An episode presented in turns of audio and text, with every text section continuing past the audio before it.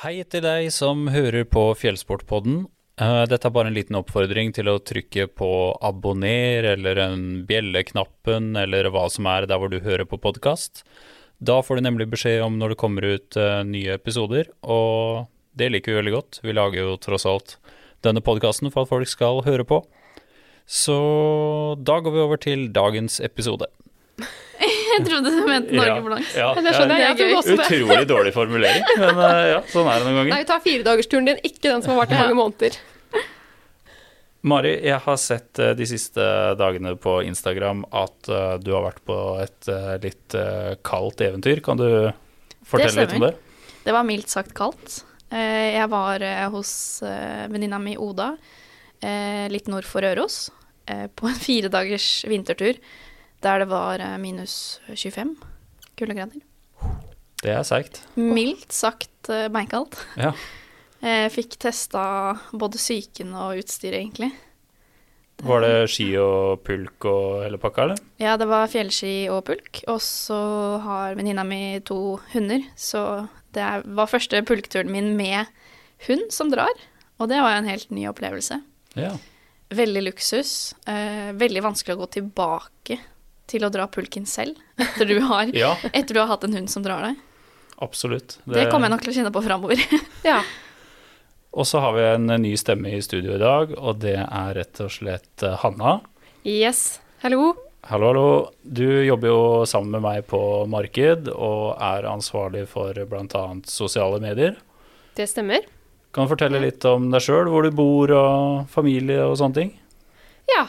Det, kort fortalt så er det meg, en samboer og en eh, finsk lapphund på en gård. Eh, ikke så langt fra fjellsportkontoret. Veldig landlig.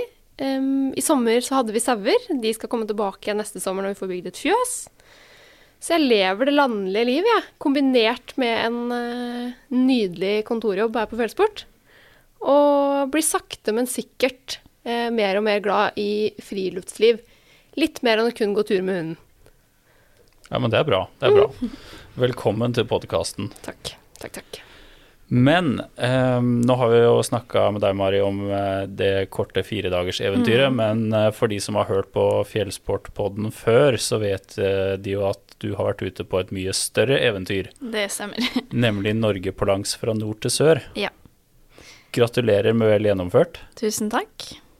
Hvordan er, eh, hvordan er kroppen og sinnet? Kroppen er eh, relativt uh, god. uh, men jeg merker jo at jeg er sliten. Uh, og jeg har jo vært igjennom en ganske tøff tur. Fysisk og psykisk, selvfølgelig. Um, for jeg var nyoperert da jeg starta turen. Så ja, det har vært en veldig givende og tøff tur, rett og slett. Vi snakka også litt om at dere som eh, har gått Norge på langs, dere har uh, en slags egen klubb hvor dere har Mm. sånne kapper og sånn eh, hode, hodeskaller med lysestaker, og Ja. så Vi har en hule, jeg kan ikke si hvor den er, da. Nei. Så hvis du går Norge på langs, så kan du selvfølgelig eh, få innpass i klubben. Ja. Det kan du. Da skjønner ikke jeg om det her er tull eller ikke. Nei, vi, vi prata faktisk om det sist. At, at hvis man gjennomførte Norge på langs, så ble man med i en slags litt sånn sær, men uh, gjev klubb, Det er da. en, det er en kult. Ja. Ja, det hører jeg jo, hvis det er noen kapper og noe greier. Ja, jeg ser for meg sånn mørk kjeller med sånn lysestaker og ja. Yes, Ja. alle sitter rundt i ring og Jeg ser det for meg. mm. Eh, hva, skal hva var det største høydepunktet på turen? Kjempevanskelig å svare på. Ja, det kan jeg se for meg. Eh, Det er- ja, det er, altså, nå går det bare masse Nå skjer det masse i hodet mitt mens jeg snakker, fordi jeg prøver å finne liksom den ene. Kanskje vi skal starte med området? Eh, Finnmark Ja. satte dypest spor. Uh, nå var jeg veldig heldig med været, fordi uh, jeg starta jo Ja, jeg starta jo da på Nordkapp i juli og gikk gjennom Finnmark i julemåned. Og hadde liksom tidenes vær. Alle jeg møtte som var lokale, poengterte hvor heldig jeg var med været. Det var tydeligvis for varmt og tørt for myggen, så jeg opplevde Jeg er en av de få som har opplevd liksom Finnmark uten intens mye mygg. Å, så fantastisk. fantastisk. Ja, så jeg føler, følte jeg trakk den eh, ja, gullbilletten der, for å si det sånn. Det, Ja, for du var forberedt på noe helt annet. Jeg var forberedt på mye mygg, Mm. sånn som alle sier. Så jeg hadde liksom følt meg mentalt forberedt på nå skal jeg kjempe mot den myggen. Men hva slags utstyr hadde du med, da? For å Eh, bekjempe myggen? For å bekjempe myggen så hadde jeg um, noe som heter Vossabia, som har en eh, sånn krem. Mm. Uh, og det er rett og slett en slags uh, Hva skal man si en, uh, Den heter pantebalsam. Det er en type salve med veldig mye sånn urter og krydder i. Så det er egentlig samme prinsipp som en sånn myggspray. Bare at jeg er eh, litt helsefreak og litt opptatt av hva man liksom putter i kroppen og putter på kroppen. Ja. Så den er jo da eh, naturlig. Så jeg tenkte istedenfor å liksom kjøre på med sånn myggspray med dødningshode bak, så eh, brukte jeg den eh, pantebalsamen. Og syns den har funka veldig bra. Jeg har jo vært i eh, mye altså mygg, myggfylte områder før, eh, der jeg også har brukt den. Og føler at jeg kan gå god for den. ja. Så den funka. Det var jo selvfølgelig sånn som når jeg kom ned til Reisadalen, så var det jo intens mye mygg. Eh, selv om det var sommervarmt, så var det veldig fuktig der. ja. Så jeg har jo selvfølgelig hatt noen dager med mye mygg, men jeg har ikke hatt to-tre måneder, da, som jeg hadde forberedt meg på. Men Finnmark på første, hva kommer på andreplass?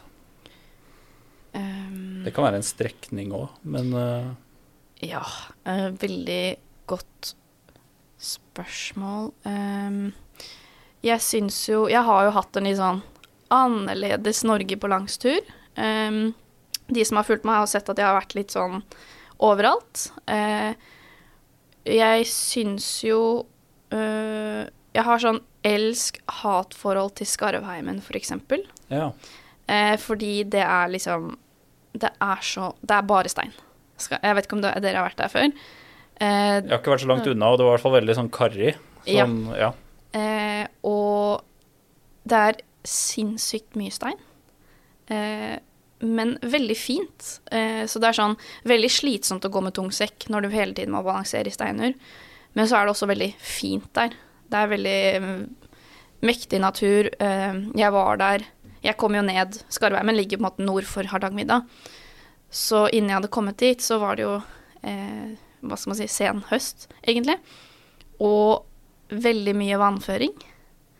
Så eh, ja. Det var eh, ganske heftig, da. Samtidig som det var veldig fint. Er det noen strekninger du tenker åh, her skal jeg aldri gå igjen? Nei, Nei? Nei. Så bra. det er det ikke. Eh, er liksom eh, Generelt så har vi så sinnssykt mye fin natur i Norge, så har liksom ikke Klarer ikke å, å hate på, på noen som helst områder, egentlig, Mm. i Norge. Fordi alle har liksom sin sjarm. Vi snakka så litt det her med eh, gjestfrihet. Har du opplevd eh, mye av det på turen? Eh, jeg har opplevd veldig mye gjestfrihet. Jeg hadde forventning om at jeg skulle Jeg sa jo det når jeg var her sist også. Jeg antar at det er ganske mange gjestfrie mennesker rundt i Norge, for det har jeg hørt. Og det fikk jeg bekrefta. Eh, mye, egentlig mye mer enn kanskje jeg hadde tenkt også. Ja. Jeg ble jo tilbudt middager øh, og kaffekopp langs veien, helt tilfeldig, øh, mens jeg vandra og sykla. Eh, og jeg har eh, Det er mennesker som kontakter meg underveis. Eh, to ganger så har jeg sovet på hotell som har blitt sånn helt spontant. Eh, rett og slett fordi at noen som har fulgt meg, eh, ja, tok kontakt og bare Vi digger prosjektet ditt, eh, vi digger eh, innsamlingen du går for. Vi syns du fortjener en, eh, en hviledag hos oss. Eh, velkommen hit. Eh, Her får du gratis overnatting. Ja. Så jeg opplever at det har vært eh, veldig mange bare snille mennesker eh, som har liksom støtta prosjektet og, og vil meg vel, da. Eh, og da, ja. Jeg er bare helt eh, satt ut over så mange snille mennesker som fins overalt. Jeg skjønner jo det blir vanskeligere å plukke et høydepunkt fra turen også, når du har liksom flere av de type Mm. i tillegg da, Ja, ja. til selve vandringa. Virkelig. Mm. Og- bare for å ha Når var du ferdig på turen? Eh, skal vi se, det er 18. november. Eh, så jeg har brukt fire og en halv måned Ja. totalt. da. Det er et eventyr. mm. 135 dager, ja, totalt. Det, har Det er lenge. Ja, det er lenge. Mm.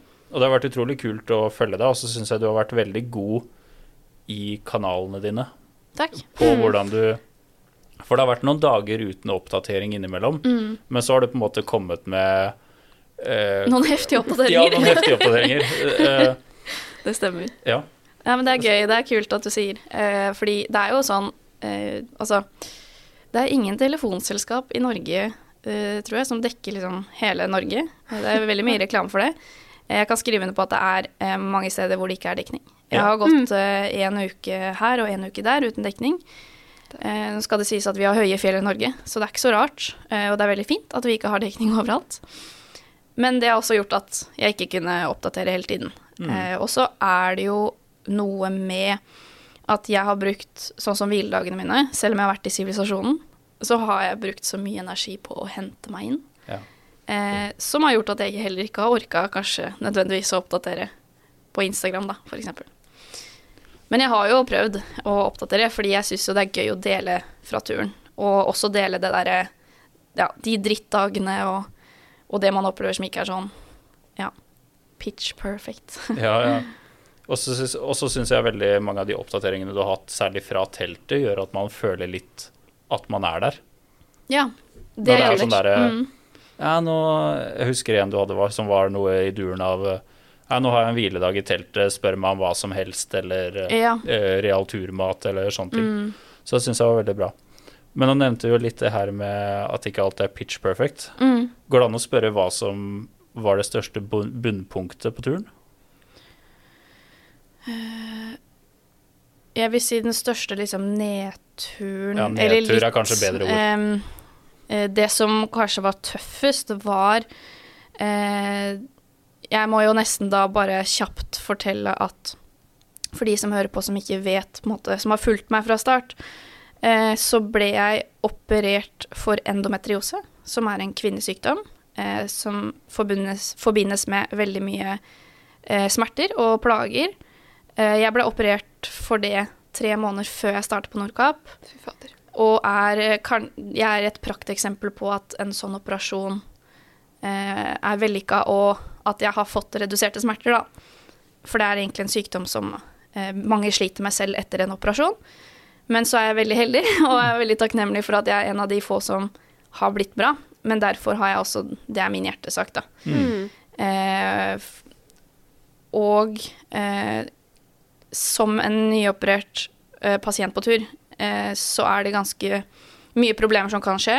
Eh, nå gikk operasjonen bra, så jeg hadde et veldig fint utgangspunkt. Eh, greit trent på forhånd. Altså det, det året før jeg begynte å gå Norge på langs, så har jeg på en måte trent på gode dager. Eh, men jeg har, et, har hatt et helt annet utgangspunkt enn den typiske Norge-balanseren. Eh, fordi jeg har hatt såpass tilbakesatt, traumatisert kropp, rett og slett.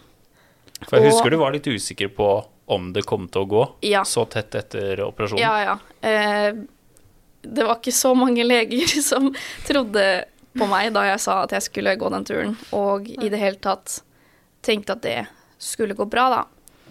Um, men det har jo gjort at jeg måtte ha lytta veldig til kroppen underveis, og har, som har gjort at jeg har tatt disse store endringene på turen da underveis. Og det er liksom det, for å svare på spørsmålet ditt, så eh, en og en halv måned inn i turen, da jeg nærma meg Narvik, egentlig mellom strekningen Finland og Narvik, så ble jeg veldig dårlig pga. den endometriosen. Eh, og da eh, lå jeg en uke eh, og bare i smerter. Å, fader. Og så er jo eh, Det er jo en sykdom eh, som er forbundet med eh, mye mensensmerter.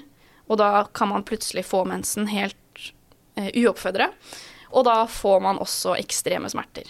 Eh, og det er veldig kjipt. Men det er liksom Jeg er veldig for å snakke om det her, fordi at det skjer så mange. Det er så mange som er rammet av sykdommen. Mm. Det anslås at det er rundt 500 000 nordmenn. Og det er ekstremt mange. fader. Det er Så- en stor andel. Mest sannsynlig er det flere som jobber i fjellsport, f.eks., som har Mm. endometriose Eller den søstersykdommen som heter adenomyose.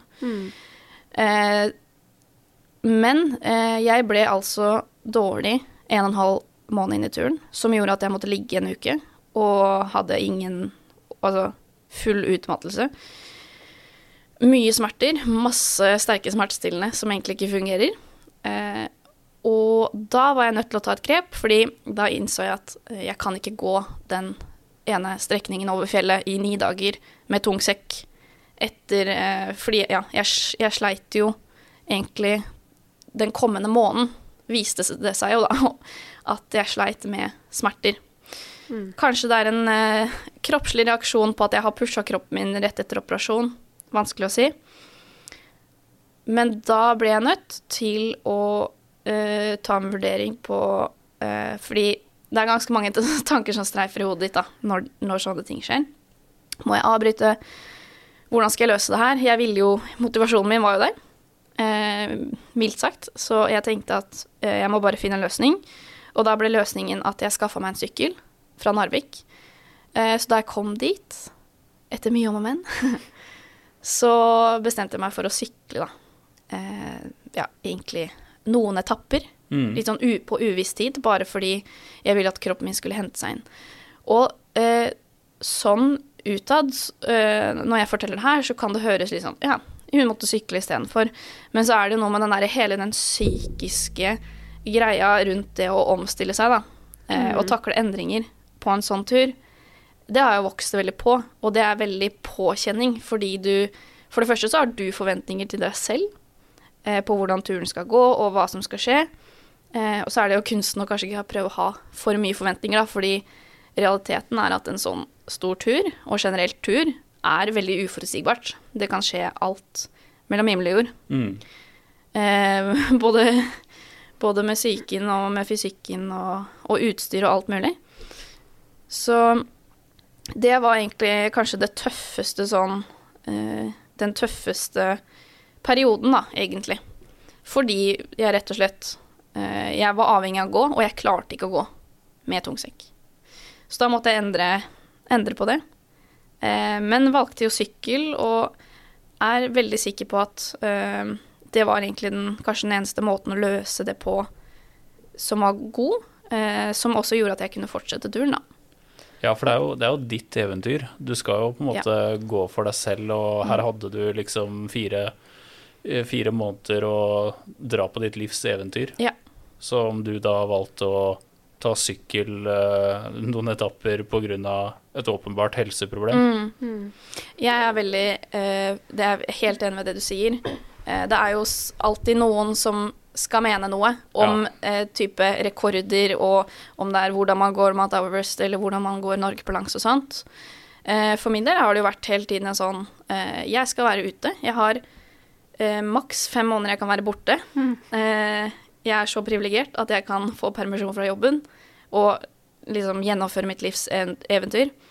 Eh, og så har jeg helt andre forutsetninger enn en vanlig, ja, sprek, oppegående, typisk eh, nordmann, da, som går Norge på langs. Så for meg var det egentlig, eh, ja, bare et privilegium, da, den turen her. Eh, og jeg er helt enig med det du sier, at det blir liksom til ditt eventyr. Så er det litt kult at man går eh, Norge på langs på forskjellige måter. Eh, og ikke bare tar en standard rute, og at det blir på en måte en sånn standardisert greie. Men at man kan gjøre litt annerledes valg underveis, da. Jeg er helt enig. Og skal jeg også bare liksom Helt sinnssykt imponerende at du har vært sengeliggende, eller liggeunderlagsfast, Ja. i en uke. Det var veldig bra, bra ord. Liggeunderlagsfast. ja. Det er år, eh, ord 2024. Ja, det. Ja. Eh, og så fortsatt finne kreftene og ønsket om å fortsette turen. Takk. Og få skifta fokus. Og som du sier, at man kan danne sin egen rute, men Mm. også bare det at man kan vise til andre som sliter med samme eller andre Ja. lignende. At man må ikke følge alle andres fotspor. For Nei. det finnes så mange muligheter her, da, hvis man Mm. har det i seg. Som, ja, veldig imponerende. Takk. Jeg tenker det er kjempeviktig. Det har vært veldig viktig også eh, når jeg på en måte deler om turen i sosiale medier og sånt. da, At jeg på en måte viser det at eh, det er, det er helt greit da, hvis det skjer sånne endringer. Det er helt greit hvis jeg må sykle eller at eh, Ja. og på en måte få fram at det blir eventyr uansett. Og um, ja, jeg tenker jo det er veldig kjedelig hvis alle skal gå Norge Blanks på samme måte også. Mm.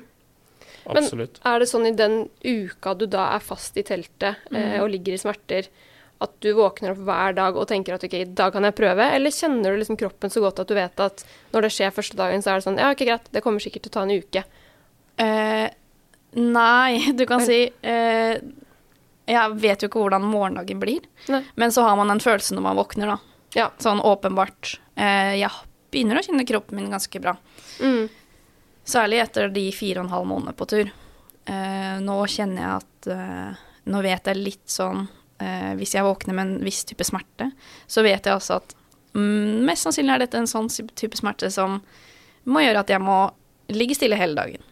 Ja. Eller så er det en sånn Dette er en smerte som eh, Ja, jeg kan bite tenna sammen, og det er jo ikke veldig sånn uh, Ja. Jeg har selvinnsikt nok til å forstå at jeg er litt ekstrem når det kommer til å pushe meg når jeg har smerter. Ja. Og jeg er ikke opptatt av at andre skal gjøre det heller. Uh, det må man kjenne på selv. Mm. Uh, men jeg kjenner liksom, begynner å kjenne forskjell på en sånn type smerte som mest sannsynlig går over i løpet av dagen, eller sånn type ting, da. Mm. Men da hadde du på en måte en mental kamp, for å kalle Ja. det det, hver dag, Mm. i håp om at kanskje det går i dag, og så viser det seg at nei, det går ikke i dag heller. Ja, det stemmer. Så det er jo en tung uke, kan man jo anta da, da. Det var veldig heftig. Det er også like mye liksom den psykiske delen da, Mm. med det, egentlig. Og som også gjorde at det var en veldig sånn tøff periode. Mm. Og som kom egentlig veldig brått, fordi det kom egentlig over natta at de smertene begynte. Og det er da du liksom, hele den prosessen, at det kommer brått og at du må omstille, er jo ganske heftig, da. Mm. Ja, det kan jeg se for meg. Men jeg har vokst veldig Altså, jeg lærer nå om kroppen min hver dag, da, på en Mm. sånn tur. Og så vokser man veldig på det. Så det har jo vært veldig givende, ikke sant. Ja, det tror jeg på. Um, jeg lurte på om eh, Har du hatt noen ubehagelige opplevelser på turen? Altså sånn eh, Sett bort fra på en måte sykdom og sånne ting, men har det vært noen eh, kanskje naturelementer som har overraska deg, eller noen sånne ting som har vært litt skremmende? Ja, jeg hadde jo noen elvekrysninger. Som jeg så vidt nevnte, så var jeg jo i Skarvheimen. Der hadde jeg jo et par elvekrysninger der jeg Den ene, der var jeg direkte liksom livredd. Oi. Oi. Ja. Eh, og det var veldig skummelt. Den, den følelsen sitter fortsatt i kroppen min. Oi. Eh, fordi Ta oss med på eh, reisen. yes. Jeg våkner opp til pøsregn. um, det hadde regna i to uker på forhånd. Eh, jeg kom til Skarvheimen. Eh, dette her er på en strekning mellom Jungsdalshytta og Kongshelleren, for de som er lokalkjent. Mellom to DNT-hytter. Eh, utrolig fine områder. Vakre altså fossefall, elver, vann. Eh, liksom veldig ganske kupert terreng. Eh, du går mellom liksom dal eh, og opp mot høyfjell, og så ned en dal, opp mot høyfjell. Veldig fint. Eh, men ikke sånn veldig stas når man skal da krysse elver, og det har regna i to uker. Eh, jeg fulgte en DNT-sti, men eh, det kan godt hende at DNT ikke anbefaler å gå den turen her på sen høst, ikke sant? Mm. Jeg møtte jo nesten ingen i Skarvheimen. Jeg møtte vel to par. Så ja, det sier jo litt. Det er ikke sånn ikke så mange andre ute da, nei. Det er veldig mange som går massivruta via Skarvheimen og Hardangervidda på sommeren, men ikke på høsten. Eh, og det kan jeg forstå. Det var eh, den ene elvekrysninga eh, der For det første så er det sånn at uh, Jeg har jo hatt med crocs, så når jeg krysser elver, så noen ganger så har jeg bare tatt med meg crocs og kryssa elva. Livets sko. Livets, Livets sko. sko. Ja. Uh, ja, men du skal ikke kimse av crocs. Nei, jeg har aldri kimsa av det. Nei, og veldig deilig sånn å lufte tærne i teltet med crocs. Men de blir jo glatte. Uh, og så når det da er type null grader, det sludder, det begynner å bli glatt, så er det ganske skummelt. Uh, og da valgte jeg eh, I Skarvheimen valgte jeg å ha fjellskoene på. Og rett og slett kjøre eh, stramme liksom skallbukse og eh, gamasjer. Eh, knyte fjellskoene liksom ekstra godt hver gang før jeg kryssa en elv, for å prøve ikke få inn vann. Det funka ganske bra. Frem til den elvekrysninga hvor jeg da eh, skulle krysse, eh, har staver i hånda, prøver å liksom finne mulige steder å gå over. Eh, det er glatt, og det er veldig mye strøm. Det er Vannet rekker meg kanskje til eh, knærne først. Sånn første skritt jeg tar ut. Og det er jo eh, Høres kanskje ikke så heftig ut, men det er jo noe med at når det er strøm i vannet også eh, Det er veldig vanskelig å beskrive den følelsen av å gå. Eh, jeg sitter jo her og prøver å ta et steg nå mens vi snakker, men den der følelsen av at liksom du tar et steg, eh, men det, du sklir, og du får ikke liksom feste. Og så har du en tung sekk på ryggen i tillegg, da. Mm. Eh, og da har jeg jo en ting som jeg gjorde, som jeg fikk tips om, altså sånn, som jeg har gjort før også når jeg kryssa elver, er å, å spenne av hoftebeltet. Rett og slett fordi skjer det noe, eh, og du detter, så kan du kjapt få av deg sekken uten å på en måte bli, hva skal man si, druk, drukne med sekken, da, fordi at den er kjempetung. Mm. Eh, så jeg følte jeg tok alle forhåndsregler. Eh, men eh, jeg kom meg jo over elva. Det tok lang tid, og jeg analyserte elva sikkert kvarter 20 minutter før jeg gikk over og måtte spise snacks på forhånd, for jeg tenkte jeg må ha masse energi til denne elva her. Jeg ser at den er ille. Det som var litt skummelt med den elva, var at eh, 30 meter til høyre for meg så er det et stup. Å, kjære. Fordi da er den da en foss man krysser, da, en elv, eh, med en da foss 30 meter til høyre. Og eh, som på øyemål så er det sånn 40-50 meter ned, grovt, eh, den, de, den fossen, da. Og da Det kjente jeg jo veldig på, da. Eh, når jeg da også mista balanse.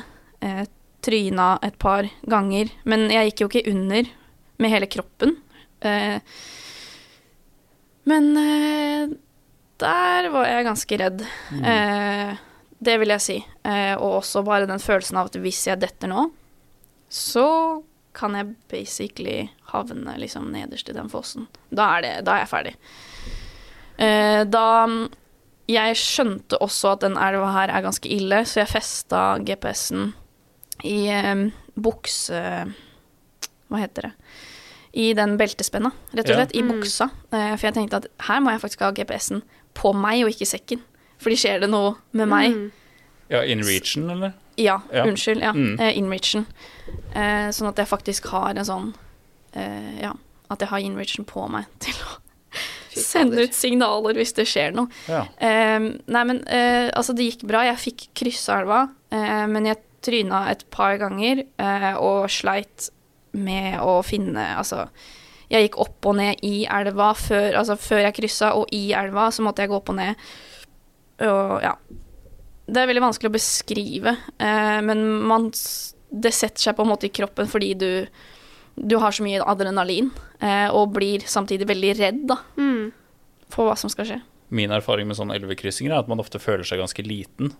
Ja. Altså når du står sagt. der eh, Når du står uti der og Som du sier, det skal ikke så mye vann til Men hvis det vannet har mye strøm i seg, Mm, det er akkurat det. så føler man seg ganske sånn Det var det Ja. jeg kjente på. Og i, i tillegg så var det da glatt i, på de steinene hvor jeg tråkka. Ja. Så det var, eh, ja, en uh, vill opplevelse. Men vi er jo naturlig nok litt grann opptatt av det her med utstyr. Mm. Uh, så da har jeg forberedt noen spørsmål. Ja. Hvilke sko var det du brukte? Jeg, Det kan ha vært flere, men uh, Mm. ta oss gjennom det. jeg starta med et par alfasko. Holdt. Mm. Uh, jeg gikk de inn på forhånd, naturligvis. Syns at de fungerte greit. Uh, jeg vet at det er flere som har god erfaring med de på langtur. For det er en ganske lett uh, syntetisk støvel, ikke sant? Det stemmer. er ikke lærstøvel. Nei, Nei. det stemmer. Og ehm, jeg syns den fungerte greit. Eh, det var veldig tørr sommer også. Eh, så når jeg starta med den skoen, så var det ikke sånn Det var ikke så mye elvekrysninger og sånt. Så jeg ikke Hadde ikke problemer med Ja, fikk ikke liksom kjent på det med liksom klissbløte sko. Eh, men jeg sleit litt med eh, gnagsår og blemmer. Hæren, eller? Eh, under foten Ja. og på hælen, Mm. men også tærne. Så, eh, så fortalte jeg oss da at jeg begynte å sykle eh, halvannen måned ut i turen. Så da, da jeg kom ned til Trøndelag og begynte å gå igjen, så bytta jeg til eh, et skomerke som heter Hanwag, som er tysk. Det er et merke jeg er veldig glad i. Mine, mine beste Nå tar jeg over her, da. Ja, kjør på. Eh, ja, mitt kall det beste par med fjellsko, som jeg aldri har hatt behov for å gå inn, og som bare funker år etter år etter år, det er et par med Hanwag-sko. Er det sant? Ja. Så gøy. Hanvag Tatra Topp heter de. Ja. Ja, jeg har Hanvag Alta. Ja. Eh, og det er en liksom eh, Bunien, tror jeg det heter. Det er en sånn bred, eh, bred variant, men en lettvektsko ja, i skinn. Som jeg ikke gikk inn, men som jeg ikke har fått en eneste vannblemme i. Og ikke et eneste gnagsår. Eh, så jeg går 100% god for de. Der har vi sko. Mm, Det er sko. that's the shit. Mm. Men det er altså virkelig. Jeg har ikke noe vondt å si. Eh, og så er det sånn, OK, alle føtter er forskjellige. Man har eh, Ja, noen har plattfot, og noen har Ikke sant. Ja, for, sant, fordi det her betyr jo ikke at Alfa Holt er en dårlig sko. Det er, Overhodet liksom, ikke. det er viktig for oss å få fram, da. Ja. Ikke bare fordi vi selger det, men, Mm. Men uh, føtter er jo helt sinnssykt forskjellig, og folk går forskjellig. Så Ja, det er jo det er to veldig sånne parametere som Kjempeviktig å, å, altså på, å poengtere det. Det er, um, det er jo subjektivt. Mm. Som, altså, det er jo mye av det i liksom klær og utstyr, ikke sant. Men uh, det er faktisk uh, et par sko som, som jeg virkelig kan gå god for, da. Mm. Så nå oppgraderer du til Hanwag i Ja. det meste. Antar det. Ja. Og et uh, utstyr som vi allerede har snakka mye om, er jo ryggsekken. Ja. Der er jeg veldig spent. Jeg begynte med en eh, Fjellreven Kaika-sekk. Hvor mange liter? 85. Ja. Med treramme? Det stemmer. Du kan utstyret ditt. Ja, det, Eh, ja. Mildt sagt, Ja, mildt sagt det, nerd. Det har blitt litt nerding. gøy. Ja. Mm. Og um, det er en veldig solid sekk. Det er en brei sekk med altså, et veldig solid hoftebelte. Sitter godt på kroppen min. Eh, problemet er eh, grunnvekta på sekken. Fordi den veier eh, ja 3,6 kilo, tror jeg. I grunnvekt. ja, det er jækla mye. Det er mye når du skal på langtur. Mm. Eh, jeg var bevisst over det. Eh, var veldig mye fram tilbake i starten. Jeg hadde også Det var en sånn eh, en keb-sekk som jeg var innom og vurderte, men endte opp med den. Eh, hadde i bakhodet at eh, jeg endrer dette hvis jeg kjenner at det trengs. Og det gjorde jeg etter en måned, eh, fordi jeg også merka at jeg hadde mer enn nok med vekta på altså type mat. Altså hver gang jeg fikk mat til så merka jeg jo at eh, det var en litt for høy vekt totalt. Ja. mm. Så jeg bytta til en Osprey Ariel 85. Ja. Den er du sikkert kjent med. ja, absolutt. Mm. Jeg husker ikke vekta i huet, men uh, 2,6. ja. Mm. Eh, så fortsatt, Så for deg ned, som er en gramjeger, Sindre, så er jo det veldig mye. Men eh, det er på en måte den ene Litt over en kilo forskjell da, på de to sekkene, og det var ganske avgjørende for min del, i hvert fall. Eh, Mm. men den, når sant skal sies, så er det en veldig solid sekk som jeg er veldig fornøyd med. Det har godt uh, hoftebelte og veldig mye sånn justeringsmuligheter. Veldig mye fine rom i sekken. Opplever du at du bruker alle romma? Ja, jeg gjorde det. Ja. 100 Ja. eh, Faktisk, eh, den ryggelomma, den brukte jeg ikke. Eh, Det er en sånn slags eh, Se for deg en vanlig sekk med sånn laptoplomme innerst mot ryggen. Ja, for camelbacken? Ja. Ja. Den brukte jeg ikke. Men jeg brukte heller ikke så mye Camelback eller sånn drikkeposer. Ja. Jeg endte faktisk med å sende hjem det, og heller kjøre bare sånn eh, nalgende flaske. ja. Mm. Ja. ja. Mm. Er det noe Hvis vi legger alle sånne kommersielle hensyn til side, Ja. var det noe utstyr du brukte som du opplevde at ikke funka i det hele tatt til ditt bruk? Eh, nå må jeg tenke, altså. Eh, nei. Eller du var skuffa over det, da, kanskje? Da må jeg tenke. uh, ikke noe jeg umiddelbart er skuffa over. Men nå skal det sies at jeg har jo drevet med friluftsliv noen år og gjort meg opp liksom, erfaringer på forhånd. Eh, så jeg følte at det var en del utstyrsvalg jeg har tatt før den turen her som er ganske sånn basert på at jeg vet at det funker, Ja. og at det er kvalitetsutstyr. Um, Så hjemmeleksa var gjort, da, med andre ord. ja, delvis i hvert fall. Mm. Unntatt den av det med erfaring med sekken, f.eks. Eh, det er ikke noe sånn jeg umiddelbart tenker at jeg er veldig skuffa over. Det er det ikke. Var det noe som overraska deg veldig positivt i andre retningen, da? Nå har vi jo snakka om skoa, da. Så det er, de er kanskje Jeg syns jo at eh, Barentsteltet jeg har, er veldig eh, Altså hadde jeg en veldig positiv opplevelse med. For det hadde du ikke testa før du dro, eller? Nei, Nei. det stemmer. Altså jeg hadde selvfølgelig satt opp. Ja, ja, ja. Det er sånn Såpass, eh, såpass gjør jeg. Men eh, det hadde jeg ikke brukt ordentlig i felt, kan du si, før jeg turen. Det er et uh, ettmannstelt, et veldig romslig et, vil jeg påstå, som heter Snota 1. Et lettvekttelt uh, som er eh, Jeg vil påstå at det er ganske solid til å være sånn ettmannstelt uten stormatter. Mm. Så veldig fornøyd med den. Hva snakker vi av cirka vekt eh, der, da? Eh, Det er eh, 1,3, tror jeg. Ikke Det er jo ikke- dritnice, Ja, hvis det er jeg tror det. Ja. Ja, Du kan vel også se på den pakkevideoen du har på Instagram, for det er den første, eller en av de første Ja. du la ut. stemmer det. Der tror jeg du sa vekt på ganske mye. Ja. Ja. Så der kan man finne det beste. Stemmer. Ja, men det er kult at eh, du var så fornøyd med et sånt mm. rendyrka enmannstelt, da. Ja. Mm. Positiv opplevelse, fordi sånn tidligere så har jeg erfart at ettmannstelt er veldig, veldig trangt, intimt. Men det er såpass romslig at du kan eh, sitte på huk eh, Nå er jeg vel å merke 1,58, så jeg er ganske lav. Men eh, selv da, som 1,58 og sittende, så har jeg på en måte ganske, ganske god eh, plass. Sånn bredde og, og høyde. Så ja.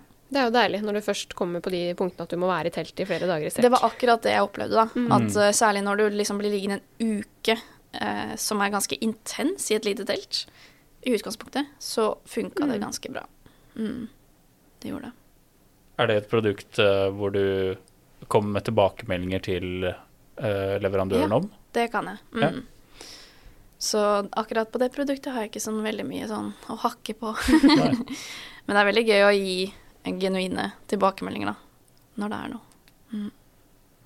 Men eh, hvis du nå skulle gått tilbake i tid, da, og så gitt uh, Mari et råd før turen starta, hva ville det vært? Jeg er klar over at den er litt seig å ta på sparket. Den er, eh, den er seig. Det er um, Tenker uh, Vær litt uh, raus med deg selv, uh, og tør å stå i de endringene som kommer til å skje. Mm. Jeg føler selvfølgelig at jeg har takla disse endringene eh, som har skjedd underveis, og rute, altså ruteendringer og, og, ja, og det å gå fra å gå til å sykle, og så tilbake til å gå, f.eks. Alle disse endringene.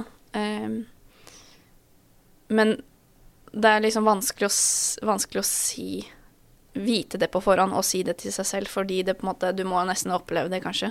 Sånn for å Mm. når man eh, Ja, det skjer liksom naturlig. Men det å Ja, bare tørre å stå i endringene, liksom. Kan jeg spørre Og når du ikke minst bare sånn Nyt turen. Ja, Men det føler jeg at jeg har gjort. ja så bra. Når du sto i de store endringene som du også da måtte skifte til sykkel, bl.a., Mm. tar du de avgjørelsene helt aleine, eller liksom ringer du hjem, eller forhører deg med noen andre som har gått før, eller Da eh, har jeg eh, brukt eh, familie, noen nære venner. Eh, jeg har faktisk bevisst eh, snakka med noen venner som ikke driver med tur, som har et helt annet perspektiv. Gøy. Det, ja, det, det, det her er veldig interessant, og det er noe jeg har lært meg nå på turen, eh, som jeg kommer til å ta med meg videre. Fordi det å få liksom noen øyne som er helt utenfor feltet, som ikke forstår nødvendigvis liksom det der og alt med tur, Mm. veldig gull verdt. Å bare ha noen øyne helt utenfor. Familien er jo veldig altfor glad i deg og bryr seg veldig ikke sant, om deg. Og kan ha fort litt sånn overbeskyttende råd og Kan du ikke bare komme hjem, da? ja. Sikker på at du skal gjøre det på den måten her, da? Er det trygt? Eh, men det er også veldig fint, fordi da har du en sånn ja, balanse mellom at eh, ja, man blir minnet på at det er noen der hjemme som er glad i deg. Så ikke ta liksom de brutale valgene basert på følelser der og da. Eh, og eh, så har jeg også spara mye med noen eh, venninner som driver med tur. Ja. Eh, jeg har jo, jeg har jo liksom Ja, kaller jo Oda, venninna mi, og ei som heter Gina Johansen, hun har jo vært her før, Ja. kaller jo de liksom for mentorene mine, Norge på langs mentor, fordi eh, ja, det er liksom eh, noen som har gått turen før og har litt mer den derre tur- og friluftslivperspektivet på på å ta disse valgene, da. Men da er jeg litt spent, når du da ringer de som ikke driver med tur og sånn i det hele tatt, Mm. hva slags type råd var det de kom med da? Var de litt sånn Ja, han kan ikke bare sykle, da? Eller hvordan, hvordan, hvordan var de, liksom? Ikke sant? Ta litt lett på det. Um, ja, jeg opplevde at uh, de kanskje ja, nesten tar litt lettere på den At, man ser, at de ser på Ser kanskje på problemet litt annerledes i form av at Ja, men altså, er det ikke din tur, da? Er det ikke bare du Skal ikke du bare ha, liksom Det er et veldig fint perspektiv, da, men det er, jo, det er jo din tur. Altså, mm. blås i disse blås i liksom friluftsbransjen som har sine meninger, eller liksom De, de har ikke det perspektivet på, på hva eh, Ja eh, Som noen kan oppleve som press, da, på en måte, fra, fra det ytre. Det at liksom Ja, men nå er det jo mange, mange i friluftsbransjen som kommer til å kommentere at jeg velger sykkel framfor å gå, så er det sånn Men ærlig talt, jeg har et helt annet utgangspunkt, da Ja. for turen. Er det ikke Det her skal liksom det sk jeg, Målet mitt også var å liksom Jeg vil heller beholde turgleden. Og på en måte ikke ødelegge meg selv og kjøre meg selv ned i kjelleren. Eh, så jeg kanskje ikke er et menneske på andre sida Mm. når, jeg- når jula kommer. Mm. Eh, så jeg opplevde at de utenfor eh, Ja, de vennene som ikke driver med friluftsliv, de hadde litt sånn lettere liksom Hva skal man si? Eh, De følte mindre rundt det, kanskje? de følte mindre rundt det. Mm. Ja. Og tenkte mer på sånn Hva er det du egentlig vil? Ikke sant? Mm. De er opptatt Og- av deg som Ja. din, deres venninne framfor Så du skal ikke kimse av å bare å ha liksom Ja, å sparre litt med forskjellige typer folk, da. På Mm. en sånn tur. Og det kan jo også være en, en uke eller to eh, i Jotunheimen, eller hva det nå er, da. Ikke sant? De, de, bare noen sånne langturer, og få litt sånne andre perspektiver på ting når du trenger råd. Jeg syns det hørtes ut som et veldig godt tips Ja. å ta med seg. Og snakke med noen som egentlig ikke har noen formening om akkurat det du holder på med. ja. Mm. Jeg tenker en sånn fin kombo der er, kan være veldig nyttig. Men du nevnte jo at du har eh, liksom hatt en uke med regn. Det stiller jo ganske høye krav til disiplin på pakking og altså det er, Virkelig. ja, altså det er jo ikke noe rom for eh, på en måte hatløsninger der. Nei, Kan du fortelle litt hvordan du jobba med det? Jeg øh, Bevisst fra start øh, så har jeg pakka helt på samme måte. Hele veien. Og du kan si Det kommer kanskje av erfaring, da. At man erfarer at ok, men jeg må faktisk ha det liggeunderlaget akkurat der. Fordi dette og dette utstyret må på den måten ned, eller ikke sant. At du får sånne pakkerutiner. Eh, og eh, jeg pakka på samme måte hele veien. Eh, sånn at jeg alltid øh, visste Enten om det er liksom Du våkner opp grytidlig, og det er mørkt, og du skal begynne å gå. Det har jo skjedd meg. Og da er det sånn at du vet hvordan eh, ting skal pakkes, uten at du er avhengig av å nesten ha på den hodelykta for de ti minuttene med pakking. Du kan bare pakke ned i halvmørket, for du vet hvor ting skal ligge. Typ sånn, da. At rutinene går veldig smooth. Og det å pakke da eh, ordentlig, altså pakke i vanntette poser, komprimere ut lufta ordentlig. Altså at du gjør den derre jobben ordentlig hele veien, da. Hadde du soveposen i vanntett Ja. pakkepose? Det hadde jeg. For jeg Ja. har jo da hatt en dunpose. Hvordan da? Eh, Singy Tree Seasons fra Fjellreven. Ja, stilig. Og det er jo også eh, Noen vil sikkert påstå at ah, det er ikke nødvendig med sånn eh, Altså dunpose til null grader, minus ti. Altså det er jo en relativt varm sovepose. Og jeg sover jo med den åpen på de varmeste dagene. Men til gjengjeld så er det sånn eh, Det var jo mine behov i form av at jeg vet at det kan komme dårlige dager hvor eh, f.eks. hvis jeg må ta smertestillende fordi jeg har mye smert, kroppslige smerter, så blir jeg kald. Og da er jeg nødt til å ha en varm sovepose. Og det er litt av erfaring, men da, eh, det er også grunnen til at jeg valgte en relativt liksom, varm dunpose. Selv om jeg gikk sommerstid og, og høsten, da.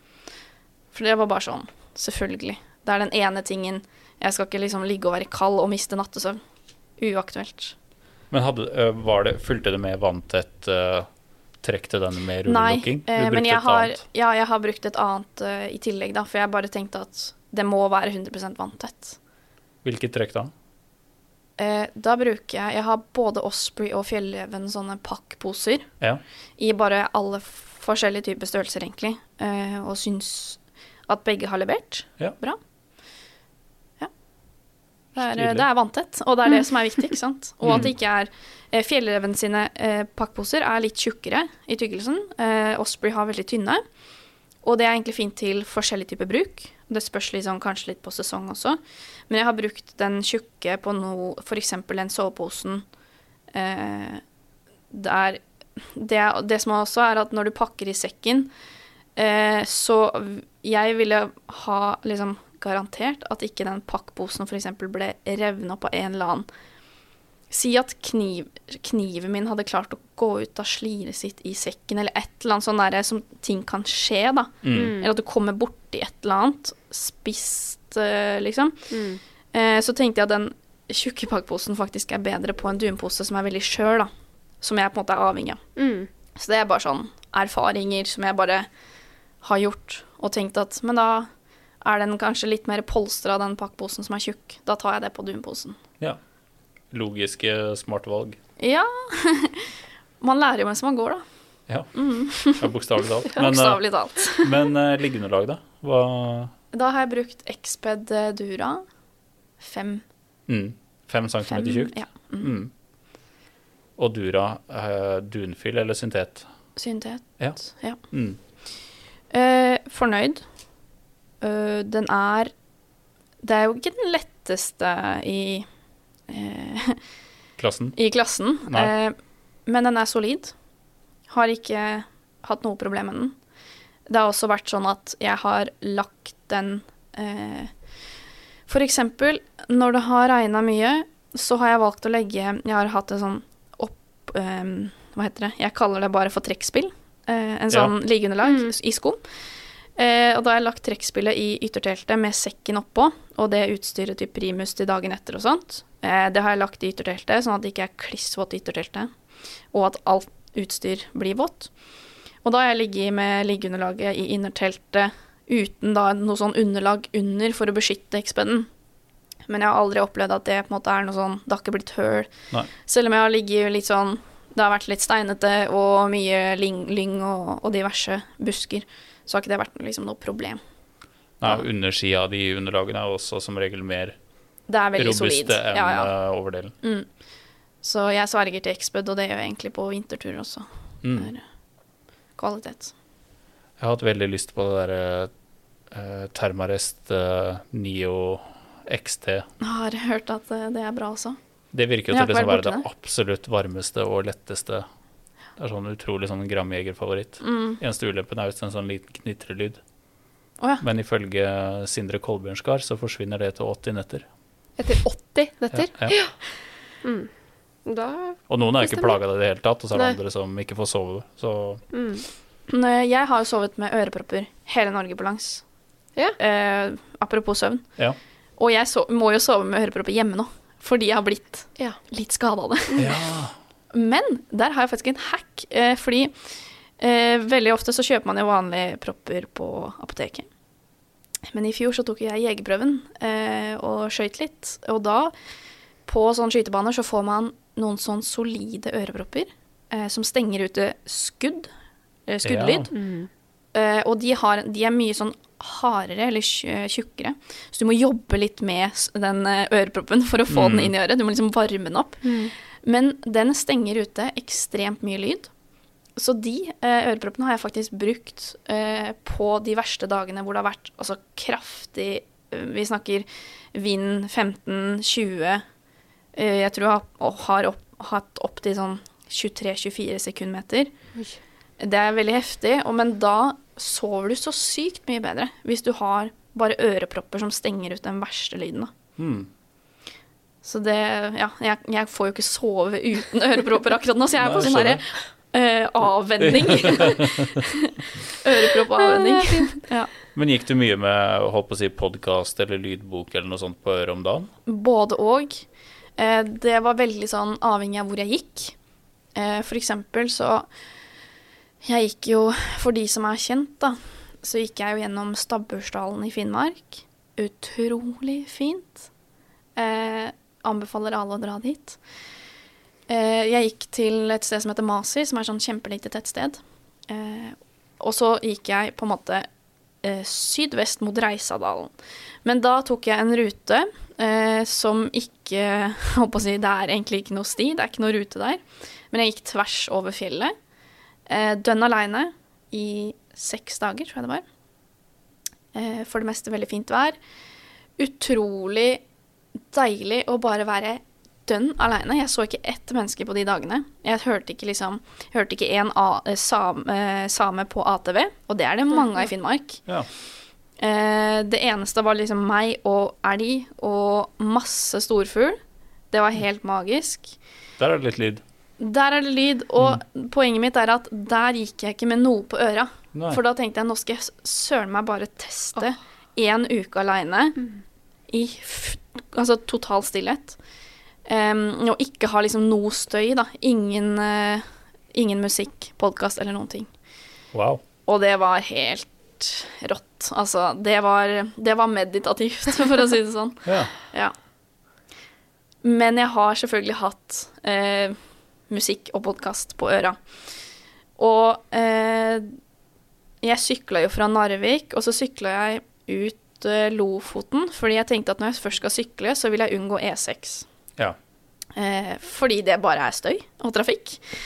Og for ei som har vært på tur litt, da, så er jo det bare trafikken er jo kjempeslitsomt. Jeg merker jo nå bare all støyen jeg blir sliten av når jeg har kommet tilbake. Og Det har jeg hørt det er eh, flere som sier etter ja, de altså, turene der, at det det er litt vanskelig nesten å det er veldig, switche tilbake. Og det er veldig vanskelig å beskrive hvordan du blir sliten, for jeg hadde ikke noen forventninger eh, når jeg kom tilbake. Men man blir utrolig sliten av både det å være sosial, bare det å sitte her og prate. Jeg kommer til å være sliten etterpå. eh, men òg det der trafikkstøy og alt det der, da. Em, jeg sykla ut eh, Lofoten, og så sykla jeg ned Helgelandskysten, for jeg tenkte at det er superfint, for da får du Når du først skal sykle, så får du da masse fin natur. Og så endte det jo med at da Jeg la jo dette ut på Instagram, og da fikk jeg veldig mye respons på folk som bodde langs kysten, som inviterte meg på overnattinger. Inviterte meg på koselig. middag. Utrolig mm. koselig. Eh, og det også beskriver bare gjestfriheten. Eh, da jeg sykla, så hørte jeg mye på musikk og podkast. Eh, rett og slett fordi det er noe med at når du skal liksom sykle en Si det er åtte-ti mil, da, eh, på sykkel på en dag. Du begynner tidlig. Det er liksom, det er, du er, jeg følte meg litt på jobb noen, noen dager, hvor jeg bare Ja. OK, nå skal jeg dit. Eh, det var ikke så mye å se noen dager. Kjørte på med podkast og musikk. Andre dager var det liksom Jeg har jo tatt noen ferjer da, ikke sant, langs kysten, og da, er det jo, da møter du plutselig mennesker. Mm. Eh, jeg har møtt så mange sånn altså, lokal fisker fra Vega. Eh, ja, ja, det var bare å komme opp igjen. Selvfølgelig, jeg har telefonnummeret hans, og alltid velkommen dit. Og det er veldig mye morsomme som menneskemøter, da. Snakke med folk på den lokale jokeren, ikke sant. Mm. Eh, ja. Det er sånn, jeg har så uendelig mange sånne minner som jeg kunne ha delt. Eh, ja. Men ehm, ja, det var et kjempelangt svar på eh, om jeg hørte på musikk og podkast. For jeg tror, Var det ikke Alexander Gamme på en av de turene? Han tror jeg drev og lærte seg nytt språk. det stemmer. Ja. Det er en gyllen mulighet. Så han gikk og hørte på Ja. Så det var det jeg skulle fram til. At hvis jeg på en måte noen gang får kara meg ut på et ordentlig sånn eventyr, da tror jeg jeg skal benytte muligheten til å lære meg språk. Gjør det. Jeg er veldig spent på hvilket språk du velger.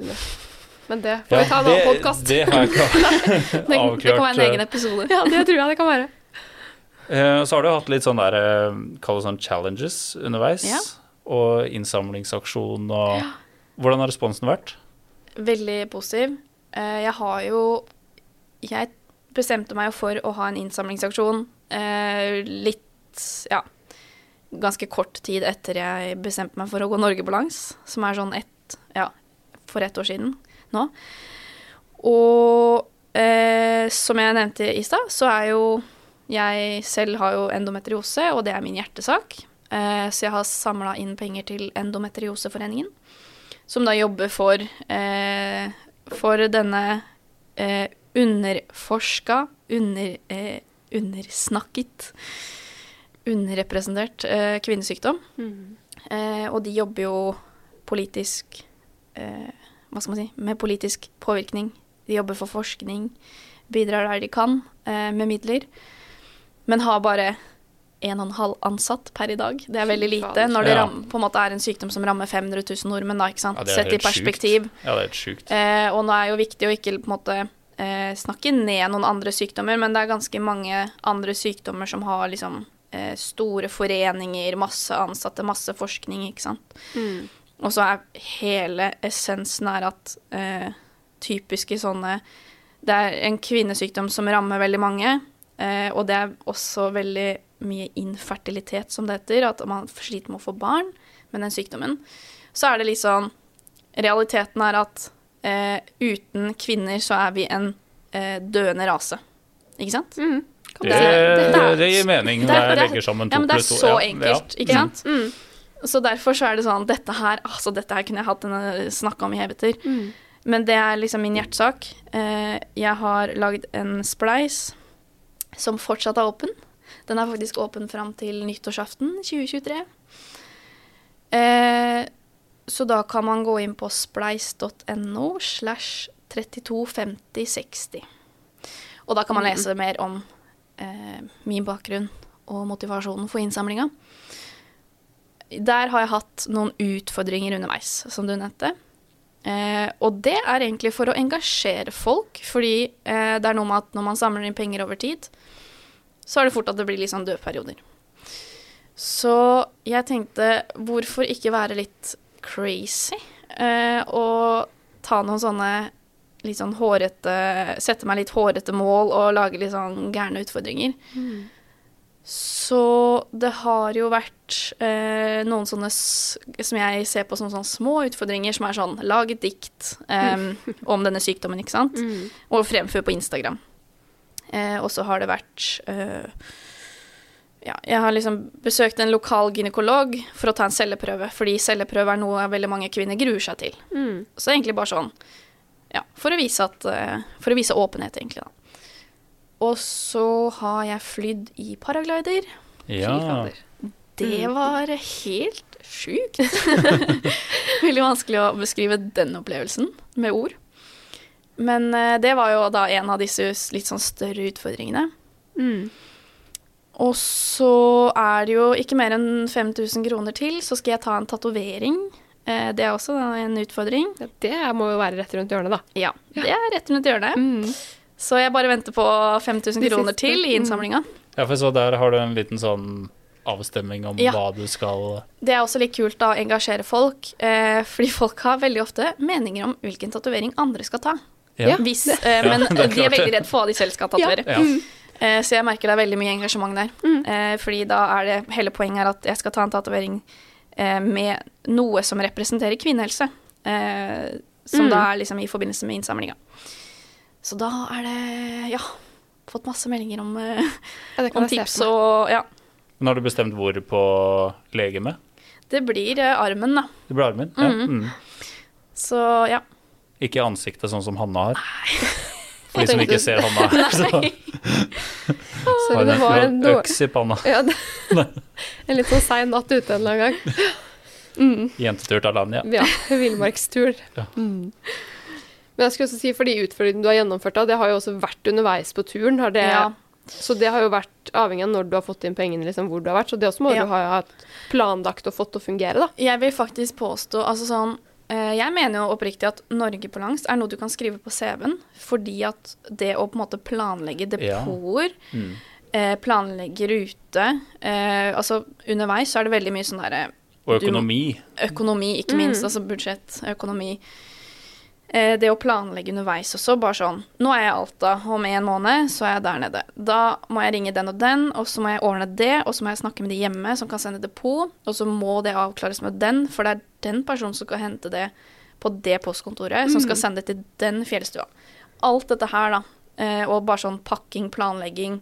Hvor mye snacks skal man ha? Hvor mye realturmat skal man spise? Alt dette her eh, er veldig mye planlegging. Og det er sånn, jeg har ikke drevet dank i fire og en halv måned. Jeg har faktisk drevet med et ganske omfattende prosjekt. Mm.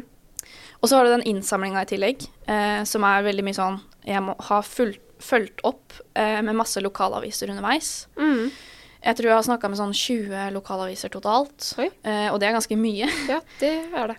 Eh, og bare det å reache ut til de og holde kontakten der, og så er du avhengig av dekning. Det er også veldig sånn fascinerende oppi det hele. Det der er jo ren markedsføring. Ja, faktisk. Mm. Eh, og så, eh, som jeg nevnte i stad, så er det sånn Jeg har jo posta på Instagram når jeg har hatt overskuddet. Ja. For det har jo vært hele tiden den der å hente seg inn eh, med tanke på formen også. Mm. Ehm, ja. Men det har vært en skikkelig sånn eh, Det har vært veldig, veldig kult og veldig givende, eh, men også veldig eh, mye jobb, egentlig. Det med innsamlinga.